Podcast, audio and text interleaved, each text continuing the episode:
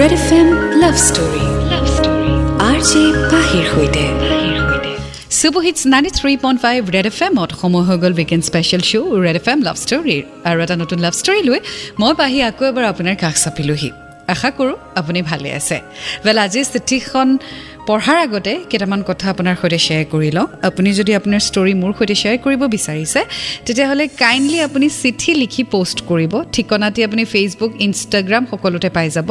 আপুনি ঠিকনাটি লৈ চিঠিখন লিখি আপুনি পোষ্ট অফিচত গৈ পষ্ট কৰিব লাগিব ডেফিনেটলি খালি এটা কথা মনত ৰাখিব আপোনাৰ বয়স যাতে ওঠৰ বছৰতকৈ বেছি হয় কোনো ধৰণৰ যাতে ভায়লেঞ্চ নাথাকে আপোনাৰ ষ্টৰীত ছ'চিয়েলি যাতে একচেপ্টেবল ষ্টৰী হয় আৰু আমি প্ৰিভেচিৰ কাৰণে আপোনাৰ পাৰ্টনাৰৰ নাম চেঞ্জ কৰি দিম। চ' আপুনি যদি চিঠিখন দিয়ে এইটোৱে বুজাব that you have the consent আৰু আপোনাৰ ষ্টৰী আমি অন এয়াৰ কৰিম। আৰু ওৱান্স আমি অন এয়াৰ কৰিলোঁ বা ইউটিউবত আপলোড কৰিলোঁ সেই ষ্টৰিটো কিন্তু আকৌ ডিলিট নহয়। গতিকে প্লিজ ভাবি চিন্তি আপোনাৰ ষ্টৰী শ্বেয়াৰ কৰিব। আজি যিখন চিঠি আহিছে এই চিঠিখন পঠিয়াইছে সুশান্ত শইকীয়াই। চ' আজি আমি শুনিম সুশান্তৰ লাভ ষ্টৰী বজাতে ৰহ। Red F M love story welcome back show' চলি আছে weekend special red F M love story মই আছোঁ আপোনাৰ সৈতে পাহি। চ' আৰম্ভ কৰিম আজিৰ ষ্টৰী যি পঠিয়াইছে সুশান্ত শইকীয়াই। চ' আহক আজি শুনো সুশান্তৰ লাভ ষ্টৰী হাই পাহিবা মোৰ নাম সুশান্ত শইকীয়া। মোৰ ঘৰ মাজুলীত। মই বৰ্তমান ইঞ্জিনিয়াৰিঙৰ ছেকেণ্ড ছেমিষ্টাৰৰ ষ্টুডেণ্ট মই আপোনাৰ লাভ ষ্টৰী অনুষ্ঠানটোৰ নিয়মীয়া শ্ৰোতা। পাহিবা এইখনেই মোৰ জীৱনৰ প্ৰথম চিঠি। ইয়াৰ আগতে মই কেতিয়াও চিঠি লিখি পোৱা নাই। পাহিবা আশা কৰোঁ মোৰ এই লাভ ষ্টৰীটো আপোনাৰ মধুৰ কণ্ঠত প্ৰকাশ পাব। মই মোৰ ষ্টৰীটোৰ নাম দিব খুজিছোঁ কেনেকৈ পাহৰোঁ তোমাক? পাহিবা মোৰ গাৰ্লফ্ৰেণ্ডৰ নাম জ্যোতি। পাহিবা দুহেজাৰ একৈছ চনৰ ডিচেম্বৰ মাহৰ সাতাইছ তাৰিখে মই মোৰ এজনী ফ্ৰেণ্ডৰ হোৱাটছএপ ষ্টেটাছত জ্যোতিক প্ৰথম দেখিছিলোঁ। তেতিয়া মই ক্লাছ টুৱেলভত জ্যোতিক মই হোৱাটছএপত দেখিয়েই তাইৰ প্ৰতি এট্ৰেক্ট হৈ পৰিছিলোঁ। পাহিবা মই অলপো দেৰি নকৰি মই মোৰ ফ্ৰেণ্ডক ছোৱালীজনীৰ বিষয়ে হোৱাটছএপতে মেছেজ কৰি সুধিলোঁ। আৰু মোৰ ফ্ৰেণ্ডে ক'লে এই ছোৱালীজনী হেনো তাইৰ স্কুল ফ্ৰেণ্ড আৰু মোক সুধিলে যে মোৰ ভাল লাগিছে নেকি? মই লাগিছে বুলিয়ে হোৱাটছএপতে ৰিপ্লাই দিলোঁ। আৰু মোৰ ফ্ৰেণ্ডজনীয়ে জ্যোতিক সুধি তাই মোক হোৱাটছএপ নম্বৰটো দিম বুলি ক'লে। চ' আমি আজি শুনি গৈ থাকিম সুশান্তৰ লাভ ষ্টৰী কেনেকৈ পাহৰোঁ তোমাক। এণ্ড ৰেড এফ এম বজাতে ৰহো। Red F M love story love story R J পাহিৰ সৈতে। শ্ব' চলি আছে weekend special red F M love story মই আছোঁ আপোনাৰ সৈতে পাহি। আজি শুনি আছোঁ সুশান্তৰ লাভ ষ্টৰী কেনেকৈ পাহৰোঁ তোমাক। আগলৈ তাই লিখিছে মোৰ ফ্ৰেণ্ডজনীয়ে জ্যোতিক মোৰ কথা ক'লে আৰু জ্যোতিয়ে মোৰ ফটো এখন চাওঁ বুলি ক'লে। আৰু মোৰ লগৰজনীয়ে তাইৰ হাততেই থকা ফটো এখন জ্যোতিলৈ পঠিয়াই দিলে। জ্যোতিয়ে তেতিয়া মোৰ নম্বৰটো তাইক দিবলৈ ক'লে। মোৰ ফ্ৰেণ্ডজনীয়ে তাইৰ নম্বৰটো মোক দিলে আৰু নম্বৰটো পোৱাৰ পাছতেই সেইদিনা ৰাতিয়ে মই তাইক মেছেজ কৰিলোঁ আৰু ভালদৰে চিনাকি হ'লোঁ। প্ৰতিদিনে আমি এক দুই ঘণ্টা হোৱাটছএপতেই কথা পাতিব ল'লোঁ। ছয় জানুৱাৰীৰ দিনা মই জ্যোতিক মোৰ মনৰ সকলোবোৰ কথা ক'লোঁ। জ্যোতিয়ে প্ৰপ'জেলটো একচেপ্ট কৰিছিল যদিও হোৱাটছএপত অকণমান সময় পিছতেই সেই মেছেজটো ডিলিট ফৰ এভৰি ওৱান কৰি দিলে। চ' খুব সোনকালে এওঁলোকৰ মাজত চিনাকিও হ'ল দুয়োটাই দুয়োটাৰে নম্বৰ চেঞ্জ কৰিলে কথাও পাতিলে এণ্ড সোনকালে সুশান্তই নিজৰ মনৰ কথা শ্বেয়াৰো কৰি দিলে। এজ পাৰ দ্য লেটাৰ জ্যোতিয়ে প্ৰপ'জেল একচেপ্টো কৰিলে হোৱাটছএপতে তাৰপিছত আকৌ সেই একচেপ্টেঞ্চ মেছেজটো ডিলিটো কৰিলে। চ' আগলৈ কি হয় জানিবলৈ অকণমান অপেক্ষা কৰক। এণ্ড ৰেড এফ এম বজাতে ৰহো। Red F M love story love story R J পাহিৰ সৈতে welcome back weekend special show' red F M love story চলি আছে মই আছোঁ আপোনাৰ সৈতে পাহি শুনি আছোঁ আজি সুশান্তৰ লাভ ষ্টৰী কেনেকৈ পাহৰোঁ তোমাক আগলৈ তেওঁ লিখিছে পাহিবা লাহে লাহে আমাৰ এইচ এছ ফাইনেল এক্সামৰ দিন ওচৰ চাপি আহিলে দুয়ো পঢ়াত মন দিলোঁ পাহিবা যদিও ছেইম ক্লাছৰে আছিল মোৰ লগতে মাথো কলেজ বেলেগ বেলেগ আছিল পাহিবা এক্সাম আহি আছিল। তাৰ মাজতো আমি মাজে মাজে সময় উলিয়াই কথা পাতোঁ। এক্সামৰ মাজতো আমি কথা পাতিব এৰা নাছিলোঁ। সময় উলিয়াই কথা পাতোঁ। পাহিবা তাই আৰ্টছৰ আছিল। সেইবাৰ ছায়েন্স ষ্ট্ৰীমৰ এক্সাম আৰ্টছতকৈ আগতীয়াকৈ শেষ হৈছিল। মোৰ এক্সাম শেষ হোৱাৰ পিছত তাইৰ আৰু দুখন পেপাৰ আছিলে। পাহিবা তাইৰ বাকী থকা এক্সামৰ বাবে মই তাইক চাবলৈ তাইৰ চেণ্টাৰলৈ গৈছিলোঁ। পাহিবা সিহঁতৰ এক্সাম চেণ্টাৰৰ পৰা আমাৰ ঘৰৰ ডিষ্টেঞ্চ অলমষ্ট হাণ্ড্ৰেড কিলোমিটাৰ এদিন তাইক দেখিলোঁ এদিন নেদেখিলোঁ। দেখা দিনা সন্মুখৰ পৰা মাতিবলৈ সাহস নহ'ল। পাহিবা আচলতে সাহস নহয় নাৰ্ভাছ হৈ গৈছিলোঁ। এক্সাম শেষ হোৱাৰ পিছত আমি প্ৰায়ে দিনবোৰ হোৱাটছএপতেই কটাইছিলোঁ। আজিকালি ইমান সহজ হৈ পৰিছে ন চব বস্তু আমি ছ'চিয়েল মিডিয়াৰ জৰিয়তে কৰোঁ। কাৰোবাৰ লগত চিনাকিও ছ'চিয়েল মিডিয়াতে হওঁ। আমি প্ৰপ'জেলো ছ'চিয়েল মিডিয়াতে দিওঁ। কিন্তু লগ পোৱাৰ কথাটো কোনেও চিন্তা নকৰে। সন্মুখত বহি কথা পতা সময় স্পেণ্ড কৰা। ইনফেক্ট আজিকালি ফোনত কথা পতাৰ আগতেই হোৱাটছএপ বা ছ'চিয়েল মিডিয়াত প্ৰপ'জেলো হৈ যায়। So' please take time that is what I want to say আগুৱাই গৈ থাকিম আজি ষ্টৰীৰ সৈতে। এণ্ড ৰেড এফ এম বাজাতে ৰহো। Red F M love story love story R J পাহিৰ সৈতে। Super hits ninety three one five red F এমত মই আছোঁ আপোনাৰ সৈতে পাহি শুনি আছে আপুনি weekend special show' red F M love story আজি শুনি আছোঁ সুশান্তৰ লাভ ষ্টৰী কেনেকৈ পাহৰোঁ তোমাক আগলৈ তেওঁ লিখিছে এক্সাম শেষ হোৱাৰ অলপ দিনৰ পিছতেই মই গুৱাহাটীত কোচিং কৰিবলৈ আহিলোঁ আমি প্ৰায় মেছেজত কথা পাতোঁ এদিন তাই অফলাইন থাকোঁতে মই হোৱাটছএপত লাভ ইউ বুলি মেছেজ এটা কৰিছিলোঁ তাই অলপ সময়ৰ পাছতেই আই হেট ইউ বুলি ৰিপ্লাই কৰিলে পাহিবা প্ৰথমতে মই তাই ধেমালি কৰি আছে বুলি ভাবিছিলোঁ মই আকৌ একেটা মেছেজকে ৰিমাৰ্ক কৰি তাইলৈ একেটা কথাকে লিখি পঠিয়ালোঁ। পিছে তাই একেটা উত্তৰেই দিলে পাহিবা মোৰ ইমান দিনৰ সপোনবোৰ এটা মেছেজতেই ধ্বংস হৈ পৰিল। মই তাইক ব্লক কৰি দিবলৈ ক'লোঁ। মোক তাই সুধিছিল সঁচানে? ময়ো অঁ বুলিয়ে ৰিপ্লাই কৰিলোঁ। আৰু তেতিয়া তাই মোক ব্লক কৰি দিলে। জানিবলৈ একো বাকী নাথাকিল। সেই সময়খিনি মোৰ জীৱনৰ একেবাৰে বিষাদপূৰ্ণ সময় আছিল। নিজৰ প্ৰতি থকা ভালপোৱাবোৰ যেন নিঃশেষ হ'ব ধৰিলে। নিজকে আৱৰ্জনাৰ দৰে লাগিছিল। ৱেল ইমান সৰু সৰু কথাত মানুহৰ ইমান ডাঙৰ এটা কাজিয়া হৈ যায় ন? কথা নাই বতৰা নাই ইটোৱে সিটোক ব্লক কৰি দিয়ে। আজিকালি কমিউনিকেশ্যন গেপ কোনেও ক্লিয়াৰ নকৰে হোৱাট ইজ ইট গয়িং এতিয়া জ্যোতিয়ে একচুৱেলি সুশান্তক ভাল পায় নে নাপায় তাৰো কোনো ষ্টেবিলিটি নাই। জাষ্ট হোৱাটছএপতে আই লাভ ইউ হোৱাটছএপতে আই লাভ ইউ টু হোৱাটছএপতে আই হেইট ইউ হোৱাটছএপতে ব্লগ এনেকৈ প্ৰেম কেনেকৈ চলিব? ষ্টেবিলিটিটো ক'ত so' please grow' up social মিডিয়াৰ বাহিৰতো এখন পৃথিৱী আছে। চব বস্তু ছ'চিয়েল মিডিয়াত নহয়।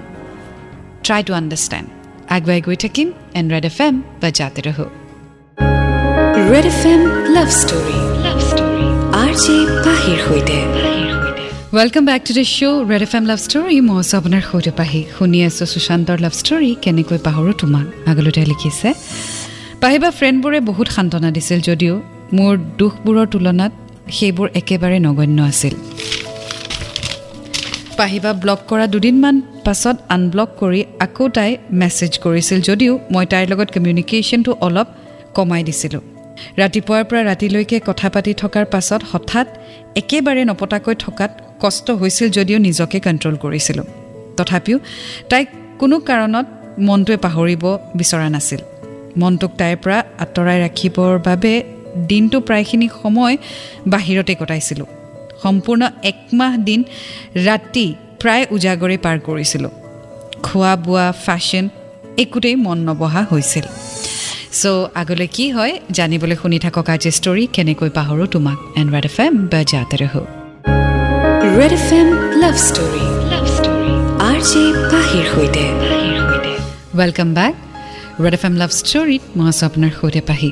আজি শুনি আছোঁ সুশান্তৰ লাভ ষ্টৰী কেনেকৈ পাহৰোঁ তোমাক। আগলৈ তেওঁ লিখিছে সেই সময়ত তাইক পাহৰিবৰ বাবে ফেচবুক ইনষ্টাগ্ৰামত বেছি সময় মই স্পেণ্ড কৰিছিলোঁ। বহুতৰে লগত কথাও পাতিছিলোঁ। পাহিবা সঁচা ভালপোৱাক জানো পাহৰিব পৰা যায়। আমাৰ এইচ এছ ৰিজাল্ট দিলে। আমাৰ এক্সাম ঠিকেই হ'ল। ময়ো ইঞ্জিনিয়াৰিং কৰিবলৈ ছিট পালোঁ। অগষ্টৰ ন তাৰিখে সন্ধিয়া জ্যোতিয়ে মোক ফোন কৰিলে। মোৰ ইনষ্টাগ্ৰামৰ এটা ষ্টৰীত ছোৱালী এজনীক দেখি আচলতে তাই মোক ফোন কৰিলে। মোক সুধিলে গাৰ্লফ্ৰেণ্ড নেকি? মই নহয় বুলি ক'লোঁ। তাইও তেতিয়া ক'লে তাই হেনো মোৰ ষ্টেটাছত ছোৱালী দেখি শ্বক্ট হৈ গৈছিল। পাহিবা আমি আকৌ আগৰ দৰে কথা পাতিবলৈ ল'লোঁ। জ্যোতিয়ে পঁচিছ অগষ্টত মোৰ প্ৰপ'জেলটো একচেপ্ট কৰিলে। পাহিবা। তাইৰ ওচৰৰ কলেজ এখনতেই বি এত এডমিশ্যন ল'লে। ময়ো ইঞ্জিনিয়াৰিঙত এডমিশ্যন ল'লোঁ। আমাৰ আৰ্থিক অৱস্থা ইমান ভাল নহয় সেইবাবে পঢ়িবৰ বাবে এডুকেশ্যন লোন ল'ব লগা হৈছিল। আৰু তাৰ বাবে মই সঘনাই মাজুলী যাবলগীয়া হৈছিল।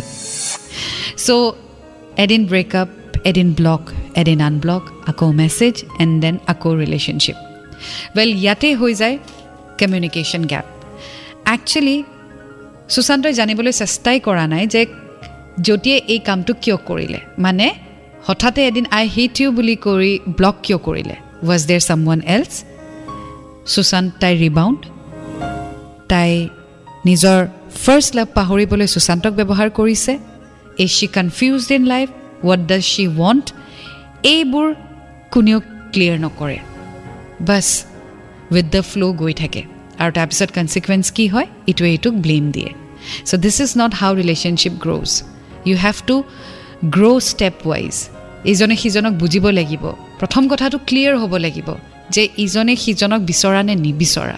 Do you really want this person in your life are you actually in love with this person you have to be sure আৰু যদি আপুনি কাৰোবাক কথা দিছে that I will be with you forever I want to spend the life with you forever তাৰপিছত আকৌ বেলেগ এজন মানুহৰ সৈতে টাইম স্পেণ্ড কৰি ইজনক ব্ৰেকআপ দি বা ব্লক কৰি আনজনৰ সৈতে টাইম স্পেণ্ড কৰি যেতিয়া ৰিয়েলাইজ কৰে অ' ন' মোৰ ভাল লগা নাই আকৌ পাষ্টলৈ ঘূৰি যোৱা this is not love so' please do not do this আগুৱাই গৈ থাকিম এণ্ড ৰেড এফ এম বাজাতে ৰহ। Red F M love story. Love story R J পাহিৰ সৈতে। Welcome back to the show' Red F M love story. মই আপোনাৰ সৈতে পাহি। আজি শুনি আছোঁ সুশান্তৰ লাভ ষ্টৰী। কেনেকৈ পাহৰোঁ তোমাক? আগলৈ তেওঁ লিখিছে পাহিবা তাইক এদিন লগ কৰিবলৈ গৈছিলোঁ। বেংকৰ কামত ঘৰ যাওঁতেই তাইক লগ কৰিবলৈ গৈছিলোঁ। তাই কলেজৰ বাহিৰত মই ৱেইট কৰি আছিলোঁ। কিন্তু পাহিবা তাই মোক দেখিও কলেজ কেম্পাছৰ পৰা ওলাই নাহিলে। পিছদিনা আকৌ মাতিছিল যদিও মোৰ বেংকৰ কাম শেষ হোৱাত মই ৰাতাৰাতি গুৱাহাটীলৈ ঘূৰি আহিলোঁ। সাতাইছ ছেপ্টেম্বৰত তাইৰ জন্মদিন আছিল। মই সেইদিনা ৰাতি বাৰটা বজাতেই হোৱাটছএপত ষ্টেটাছ দি উইচ কৰিছিলোঁ। কিন্তু ৰাতিপুৱালৈকে তাই চিনেই নকৰিলে। এটা ৰিপ্লাইও নিদিলে। ঘৰৰ মানুহক মিছা কথা কৈ গুৱাহাটীৰ পৰা মাজুলীত তাইৰ বাৰ্থডেৰ পিছদিনা গৈ তাইক লগ কৰিবলৈ গ'লোঁ। তাই মোৰ লগত একেলগে চাহ একাপো নেখালে। সৰুকৈ এটা গিফ্ট দি আহিলোঁ। নাজানো সেইটো তাইৰ লগত ৰাখিছেনে নাই। এনেকৈ আৰু অলপ দিন চলিলে। এদিন দেখিলোঁ তাই ইনষ্টাগ্ৰাম প্ৰফাইলত বহুত ল'ৰাই তাইক টেগ কৰি ফটোবোৰ ওলমাই থৈছে। মই তাইক ল'ৰাবোৰ ক'ৰ সুধিলোঁ তাই চিনি নাপাওঁ বুলি ক'লে। মই তেতিয়া সেই টেগসমূহ ৰিমুভ কৰিবলৈ তাইক ক'লোঁ। তাই মোৰ সৈতে বহুত বেয়াকৈ বিহেভ কৰিলে। কথা সিমানেই তাৰ পাছত ব্ৰেকআপ বিগত ছটা মাহে এতিয়াও মই ভুগি আছোঁ। ক'তোতে ফ'কাছ কৰিব নোৱাৰা হৈছোঁ। প্ৰতাৰণা আৰু মিছা প্ৰতিশ্ৰুতিবোৰে মোক বৰ কষ্ট দিছে। এয়াই মোৰ লাভ ষ্টৰী পাহিবা। আশা কৰোঁ আপুনি মোৰ লাভ ষ্টৰীটো আপোনাৰ চেনেলৰ জৰিয়তে প্ৰকাশ কৰিব। ৱেল সুশান্ত প্ৰথমৰ পৰাই ইট ৱাজ ক্লিয়াৰ যে জ্যোতি একচুৱেলি তোমাৰ ওপৰত ইণ্টাৰেষ্টেড নহয়। আৰু সেই কথাটো যেতিয়া তুমি ৰিয়েলাইজ কৰিবা তেতিয়া তুমি তোমাৰ ভেলিউটো বুজি পাবা। কাৰণ জ্যোতিয়ে তোমাক ভেলিউ একেবাৰেই দিব খোজা নাই। তাইৰ লাইফত তোমাৰ প্ৰতি ভেলিউৱে নাই। চ' তুমি যদি এতিয়াও এইটো কথা লৈ পেলাই সময় নষ্ট কৰি আছা তেতিয়াহ'লে সেইটো তোমাৰহে লোকচান হ'ব। তাইৰ একো নহয়। তাই মুভ অন কৰিছে তাই হেপ্পী হৈ আছে she is happy with somebody else or maybe alone I don't know' but তুমি তোমাৰ লাইফটোহে ৱেষ্ট কৰি আছা। বিকজ য'ত তোমাৰ ভেলিউ নাই সেই সম্পৰ্কটোত থকাৰো কোনো প্ৰয়োজন নাই। পৃথিৱীত এনেকুৱা বহুত মানুহ লগ পাবা যাৰ বাবে তুমি বহুত ভেলুৱেবল বহুত স্পেচিয়েল হ'বা। চ' কোনোবা এজন ব্যক্তিয়ে এইটো ডিচাইড কৰিব নোৱাৰে যে তোমাৰ লাইফটো ভেলুৱেবল হয় নে নহয়। So' don't let that person decide what your life is your life is more than you think so' আজিৰে পৰা আৰম্ভ কৰা ডিচাইড কৰা that you will make your life worthwhile যিমান দিন জীয়াই আছা সিমান দিন এটলিষ্ট জীয়াবলৈ শিকা অকল উশাহ লৈ থকাটোকে জীয়া বুলি নকয় গতিকে enjoy your life study work hard চাকৰি কৰা ফুৰিবলৈ যোৱা ট্ৰেভেল কৰা লাইফত কৰিবলৈ বহুত আছে this is just a part of life this will come and go' and you will find someone who really really loves you so' all the best এয়া আছিলে আজিৰ লাভ ষ্টৰী কেনেকৈ পাহৰোঁ তোমাক? এটি নতুন ষ্টৰীৰ সৈতে আকৌ লগ পাম। Until then do fall in love it's a great feeling you will get to learn a lot and always remember I love you and Red F M বাজাতে ৰহো